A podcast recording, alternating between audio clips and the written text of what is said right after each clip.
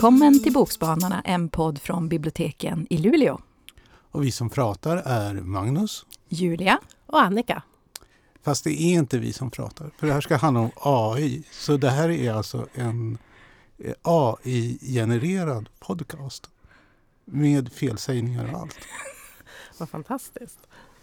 Eh, det pratas väldigt mycket om AI nu för tiden och frågan om det är bra eller dåligt. Ja, det finns det ju många åsikter om. Mm. Eh, jag ska prata om en bok som heter Generation Robot av Terry Favro. Som är faktiskt den enda sådär nostalgiska barndomsskildringen som är kopplad till robotar som jag läst. Och det är alltså en faktabok. Och Terry Favro, hon hade då en pappa som arbetade med en av de första industrirobotarna i USA. Samtidigt, hon är alltså uppväxt på 50-talet, som den här idén om eh, maskiner som kan agera på egen hand slog igenom stort. Och första gången idén presenterades det är en bok som heter Cybernetics Or Control and Communication in the Animal and Machine. Och den skrevs redan 1948. Och hon visar liksom på hur 50-talet präglas av någon sån här schizofren eh, förhållande till eh, eh, vetenskap. Alltså att det finns en sån här eh, förhoppning om att vetenskapen ska rädda allting genom rationalisering. Får man kan alla köpa ett hus. Samtidigt som vetenskapen ledde fram till eh, atombomben. Alltså en maskin som kan döda allting. Mm. Och det präglar också i hur vi liksom ser på AI, eller i det här fallet robotar, alltså självtänkande maskiner. Ett är liksom de här roliga sociala robotarna från Jetson. Eh, med en hushållerska som blandar drinkar och flörtar med brevlådor och är check och rar i största allmänhet. Eller liksom då HAL från eh, 2001 som är en självtänkande eh, maskin som bestämmer sig att hans uppdrag är viktigare än liksom, eh, de människor som finns i närheten av honom. Och när de försöker störa uppdraget så tar han livet av dem. Och hon vill väl liksom visa på hur svaret ligger någonstans mittemellan. Alltså vi har vår fantasi, vi har vår uppfattning. Vi har behov av te att tekniken inte ska vara farlig. Visionen av robotar har kommit innan liksom, man kunde faktiskt göra någonting. Eh, de första eh, institu eh, institutionen för AI på ett universitet bildades i mitten av 50-talet. Och det är liksom på 60-talet som man kanske fick en robot med, eller en maskin med talsyntes. Så det har liksom gått extremt långsamt tills det går snabbare och snabbare till Sverige idag. Och det som är verkligen sådana eh, glimtar i den här boken det är dels liksom hon beskriver sin pappas eh, eh, vilja att automatisera hemmet. Alltså han skäl hem liksom såna delar från industriroboten och bygger små hissar som hans mamma eh, som sitter i rullstol ska kunna åka eh, ut och in i huset. Eller liksom han försöker automatisera köket medan hans trötta fru står och tittar på honom och säger nu när barnen är liksom, eh, flyttat hemifrån så är det inte så besvärligt att gå ner och hämta liksom, det som jag ska ha i skafferiet. Och det är också liksom det som finns i hel, går också som en röd tråd. Fyller robotar då någon funktion när vi inte har något behov av dem? Alltså att det, ofta är det som att den tekniska utvecklingen drar iväg och så måste allt vara AI trots att vi kanske eh, klarar oss en hel del själv. Det som är roligt med henne också det är hennes eh, beskrivningar om situationer som, där de faktiskt skulle ha velat ha AI. För ofta beskrivs ju det där hur AI fattar beslut och det blir jättehemskt. Men hon eh, beskriver när hon som ung kvinna skulle bli journalist och ville köpa en ordbehandlare. Och på 70-talet så var det något som, som man tog banklån till för att eh, ha råd med. Och hon beskriver hur hon sitter då framför en medelålders vit bankman som säger ungefär så här som Ja, lilla stumpan, det här kan ju inte gå bra. och då ringer hon sin mamma och mamman kommer dit och skäller ut honom och hon får banklånet. Och hennes liksom åsikt är helt klar. Hon hade hellre blivit bedömd då av en AI-robot. Därför dels AI-roboten inte är sexistisk.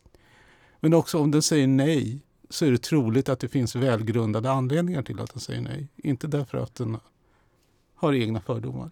Det beror ju på hur den är programmerad och var den hämtar sin information jo, ifrån.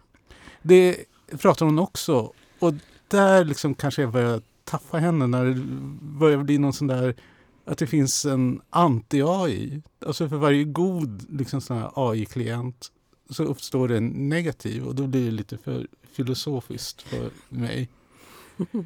Jag tror att det mer handlar att trots allt, det är inte AI som programmerar sig själv.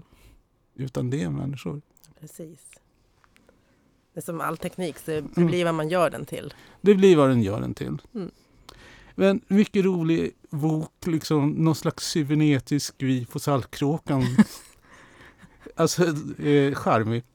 Eh, det märks att den kanske är några år på nacken. Jag tycker hon eh, är väl, citerar Elon Musk sådär glatt och ofta, vilket jag inte tror hon skulle göra om den var skriven idag.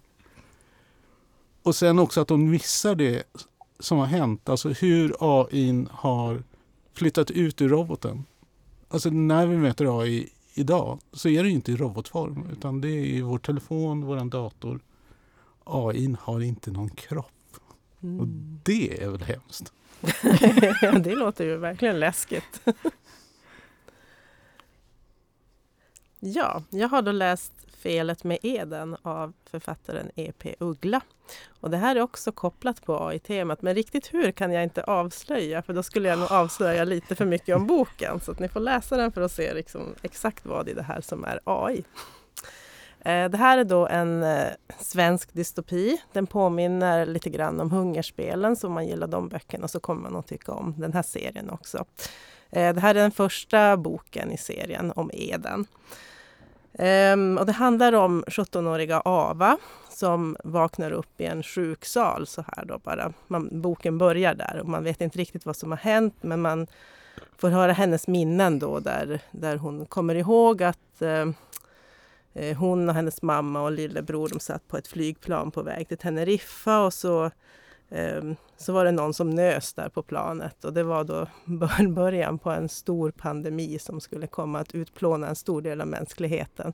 Och tyvärr då så var ju hon och hennes familj eh, bland de första som fick den här eh, nya influensan som kom. Och eh, hon har legat liksom nedsövd då, eh, ganska länge. Men hon är också den enda i familjen som har vaknat upp eller som kommer att vakna upp, tragiskt nog. Och den här världen som Ava vaknar till, då, den är ju som helt förändrad mot den som hon lämnade då för ett antal år sedan. Och samhället som hon är i, det heter Eden. Eh, och det omsluts av en stor sån här glaskupol. Eh, och eh, alla människor i det här samhället de är som indelade i kast och hon får höra att hon är i det högsta kastet som kallas då lustgården. Och alla de här kasten har liksom bibliska namn. Så det finns som eh, eh ja, men Nasaret och Getsemane och liksom längst ner så hittar vi eh, eh Inferno, alltså helvetet. Eh, men trots då att hon så här, har hamnat i det här bästa kastet så, så är det ändå långt ifrån ett paradis. Eh, och för det första så är det som ingen som verkar vilja svara på hennes frågor, för hon har ju tusen frågor. Liksom, vad är det som har hänt och liksom, hur fungerar den här världen? Och, och vill veta det då. Men det, det, hon kastas som bara rakt ut i den här världen så fort hon får lämna den här sjuksalen och får liksom inte svar på någonting. Och hon känner sig lite som Alice i Underlandet när hon beger sig ut här. Och, eh, det hon vet är att hon förväntas att gå i skolan och hon får dela rum då med tre andra tjejer. Ehm, och en av dem det är hon heter Isabelle och hon är väldigt så perfekt. Hon är lite så här urtypen av den som, som förväntas liksom befinna sig i lustgården här i det här högsta kastet. Riktigt fysiskt perfekt, hon är duktig i skolan och liksom säger de rätta sakerna. Men hon är väldigt kylig och elak egentligen. Och hennes bästa kompis, den andra tjejen på rummet här som heter Ines då. Hon är lite, hon är ganska olik egentligen Isabelle men, men liksom hennes närmaste undersåte nästan och backar upp henne i allt hon säger och sådär. Och sen är det den tredje flickan, Jasmine, som så småningom då blir Avas bästa kompis. Men de här andra flickorna, de, de är väldigt elaka när hon kommer i början och de eh, berättar inte för henne liksom hur hon ska göra, hur hon ska ta sig till den här första lektionen. Och hon vet inte ens hur hon ska ställa liksom en, en väckarklocka i den här nya världen. För det gör man liksom så här äh, på något sätt äh, via en så integrerad äh, liksom, system som man liksom har, liksom bär med sig på sin kropp hela tiden. Så man aktiverar en karta och liksom ser vart man ska gå. Så det är väldigt så high tech på, på sätt och vis. Men det är ingen som förklarar hur det funkar utan hon får som komma på det här själv. Och det får ändå konsekvenser för när hon är på väg till första lektionen så är hon ju sen för ingen, hon är inte vaknat på morgonen. Hon träffar en kvinna på vägen och som säger att du är sen. Och hon bara, ja tack för att du säger det. Och hon säger så här, du förstår inte, spring allt du kan ungefär. Så eh, hon förstår inte liksom varför det är så hemskt att vara lite sen. Men hon kommer ju till det här klassrummet och då eh, visar det sig att den här läraren som, som håller i klassen, han är eh, riktigt elak och han eh, eh, liksom utför fysisk bestraffning, riktigt förnedrande liksom, eh, bestraffning inför hela klassen för de som är sena eller gör fel på hans lektioner. Eh, och en annan sak som också hon råkar ut för är ju att eh, när de lurar henne att vara ute liksom efter läggdags så, så blir liksom de här korridorerna, de desinficeras med eh, liksom frätande syra. Eh, och det är hon inte beredd på. Och det, det är tack vare liksom den här tredje flickan, och Jasmine, som, som räddar henne och liksom drar in henne i ett duschrum och liksom får av henne så att hon inte liksom, eh, blir helt eh, sönderbränd av det här. Så det är en ganska hemsk värld egentligen, långt ifrån ett paradis den här Eden. Och hennes liv börjar handla om att överleva på det här nya stället. Um, och det eh, ja, men de får som veta att de, ja, men de avlyssnas och, och eh, de ska tävla mot varandra. Liksom bara för att behålla sin plats i det kast man är så måste man tävla och vinna tävlingar och man kan då flyttas upp och ner i de här kasten beroende på hur man, hur man gör på de här tävlingarna. Eh, och empati och kärlek det är liksom förbjudna koncept på det här stället. Och eh, det här är liksom ett eh, en meritokrati kan man säga, där man, liksom, man får utifrån sina prestationer. Är man lite svagare eller har något fel, eller liksom fysiska nedsättning eller vad som helst, så, så förväntas man bli bortgallrad helt enkelt. Så det är ganska tuff tillvaro, men hon får veta då att någonstans här så finns det ju en eh, eh, kommandocentral eller liksom kontrollcentral som kanske har de här svaren som hon funderar på. Eh, det finns också en motståndsrörelse eh, som hon får reda på, en hemlig rörelse med någon, som, någon ledare som kallas mystiskt för Morgonstjärnan, men ingen vet vem det är. Så det här är en spännande bladvändare för, jag skulle säga för, för ungdomar, unga vuxna och som sagt första delen i den här serien om Eden som jag rekommenderar varmt. Mm. Absolut. Ska det bli en trilogi då eller? Ja, jag tror det. Eh, andra delen har ju redan kommit eh, som heter Fallet från Eden så vi väntar väl på sista delen. Toppen. Ja, jag har en liten annan typ av bok. Även den ganska mörk. Men jag har läst Kentukis av Samantha Sveblin som är översatt från spanska av Hanna Nordenhök. Eh, och det här är också eh, lite dystopiskt om vårt uppkopplade samhälle. Eh, och det känns som att den säger ju ändå något om hur många som lever via kanske sociala medier eller över nätet. Och hur mycket man gör blir content, blir innehåll. Eh, och om det inte fotas eller filmas, eh, har det då hänt? eller, eller är det värt att anstränga sig för? Eh, och i den här romanen så möter vi barn och vuxna från olika delar av världen. Och det som binder dem samman är att de antingen betraktar eller blir betraktade av en för dem okänd person genom då ett sånt här gosedjur som kallas kentukis.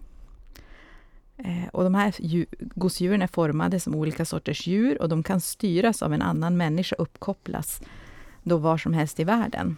Och den här kentukisen måste laddas regelbundet. För om den laddas ur så dör den och då kan den inte kopplas upp igen. Eh, och då får man, ju, man får inte välja. Och man får inte veta om någon av, av, den som betraktar den. Och den som betraktar får inte välja var den ska hamna, i vilken kentukis den ska hamna, utan man blir bara tilldelad det på random. Eh, så det kan ju vara vem som helst. Men då är det ju samma person hela tiden. Då. Det är ingen annan som kan koppla in sig till samma djur. Och för mig känns det här oerhört obehagligt. Eh, alltså jätteläskigt tycker jag. Att, och jag förstår inte hur man kan köpa hem någonting när någon annan kan sit, alltså, vara i och man har ingen aning om vad de ser eller vad de gör med den informationen. Men när man tänker efter så finns ju all den här tekniken redan. Jag menar, det är många som har, har en eh, hemma som man pratar med. Jag har sett en timer. Vad blir det för väder idag från olika liksom, märken? Vad, eh, har man någon aning om? Den ska ju inte lyssna av en om man inte pratar med en, men eh, lite läskigt. Eh, och det säljs ju genom att Åh, det är så fantastiskt, du kan få liksom ta del av en annan kultur, en annan del av världen, du kan få liksom typ eh, sällskap eller någonting. Eh, och det som verkar så här fantastiskt, det blir ju egentligen eh, en mörk berättelse om vad modern teknik kan leda till. Eh, och hur blir man ju påverkad? Liksom, när, man, när det är någon som betraktar en, eller den som betraktar, hur blir den påverkad? Alltså hur beter man sig när man vet att någon tittar? Är det till slut att det kanske blir som del av möblemanget och man tänker inte på att man har någon okänd där inne som liksom har koll på allt man gör? Och den som betraktar, är det inte för lätt att bli involverad i någon annans liv?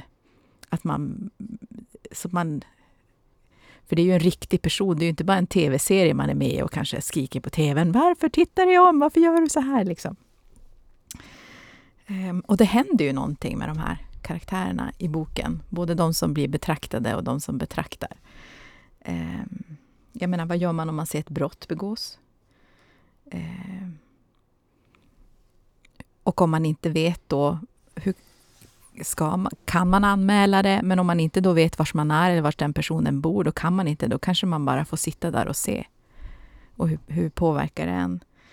Ehm, jag menar, det är några som blir behandlade som husdjur eller kompisar. Någon blir utsatt för utpressning, för de listar ut var den bor och så pressar de den på pengar på grund av vad de har sett. Det här är en liten pojke som, som från Antigua som drömmer att se snö. Men han blir instängd i någon affär men då vad heter det, finns det en kille där i Norge där han, och så befriar han såna här Kentucky, så låter de bo tillsammans i någon lagerlokal och ha laddplattor och grejer och så får de köpa liksom extra tillbehör av honom, så det är så han gör sin liksom inkomst. Det finns alla möjliga eh, varianter. De får tillgång till en chatt så de kan chatta med varandra och så. Så det finns alla möjliga olika varianter. Och en annan är en kvinna som blir som besatt av en annan eh, liksom, kvinna och hennes relation när hon ser att karn hon har hemma snor pengar ur hennes börs och så. Och hon blir så här, så här bara, hur kan... Eh, så det, fin alltså det finns många olika varianter här. Eh, och man blir, alltså människoprojekt, alltså det är det som är det intressanta, hur, man, hur, hur påverkade de här människorna blir och man får verkligen följa dem liksom så tätt in på dem. Så det är det som driver berättelsen framåt. Eh, men jag har så svårt det här. Jag, jag skulle aldrig någonsin... jag ska ha jättesvårt för det här. När man inte vet vem det är, vad det gör med informationen. Som ni förstår så går ju saken överstyr. Eh, många människor, alltså de börjar som tappa fattningen, vissa av dem. Att de får för sig saker om den som tittar, kanske att ja, men det måste ju vara liksom ditten datten. Eh, gränser börjar liksom suddas ut. När man inte möter någon öga mot öga, då är det så lätt att liksom tänka något negativt om dem. Eh, och det känns, eh, alltså, det är mycket manipulation och saker går liksom helt överstyr. Så jag tyckte det var väldigt, väldigt spännande och bra. Men det är just liksom människoporträtten som gör den här bra. Alla de här personerna som man möter, både de som, som tittar och blir tittade på och hur, hur det påverkar dem. Och det läskiga är ju att det finns ju all den här tekniken redan.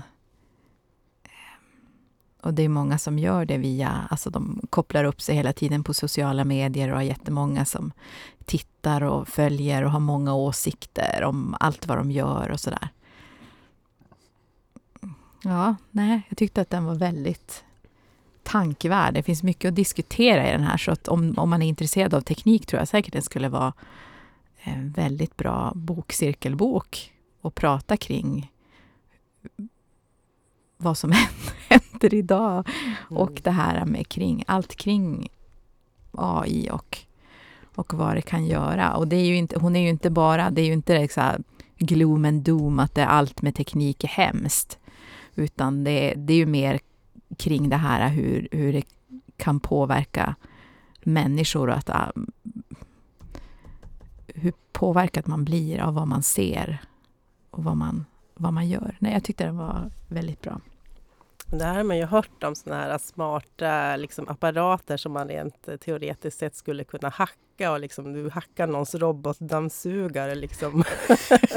Men jag har ju hört ännu värre historier där man liksom hackar någons pacemaker, vilket jag tycker är... Då blir man riktigt mörkrädd.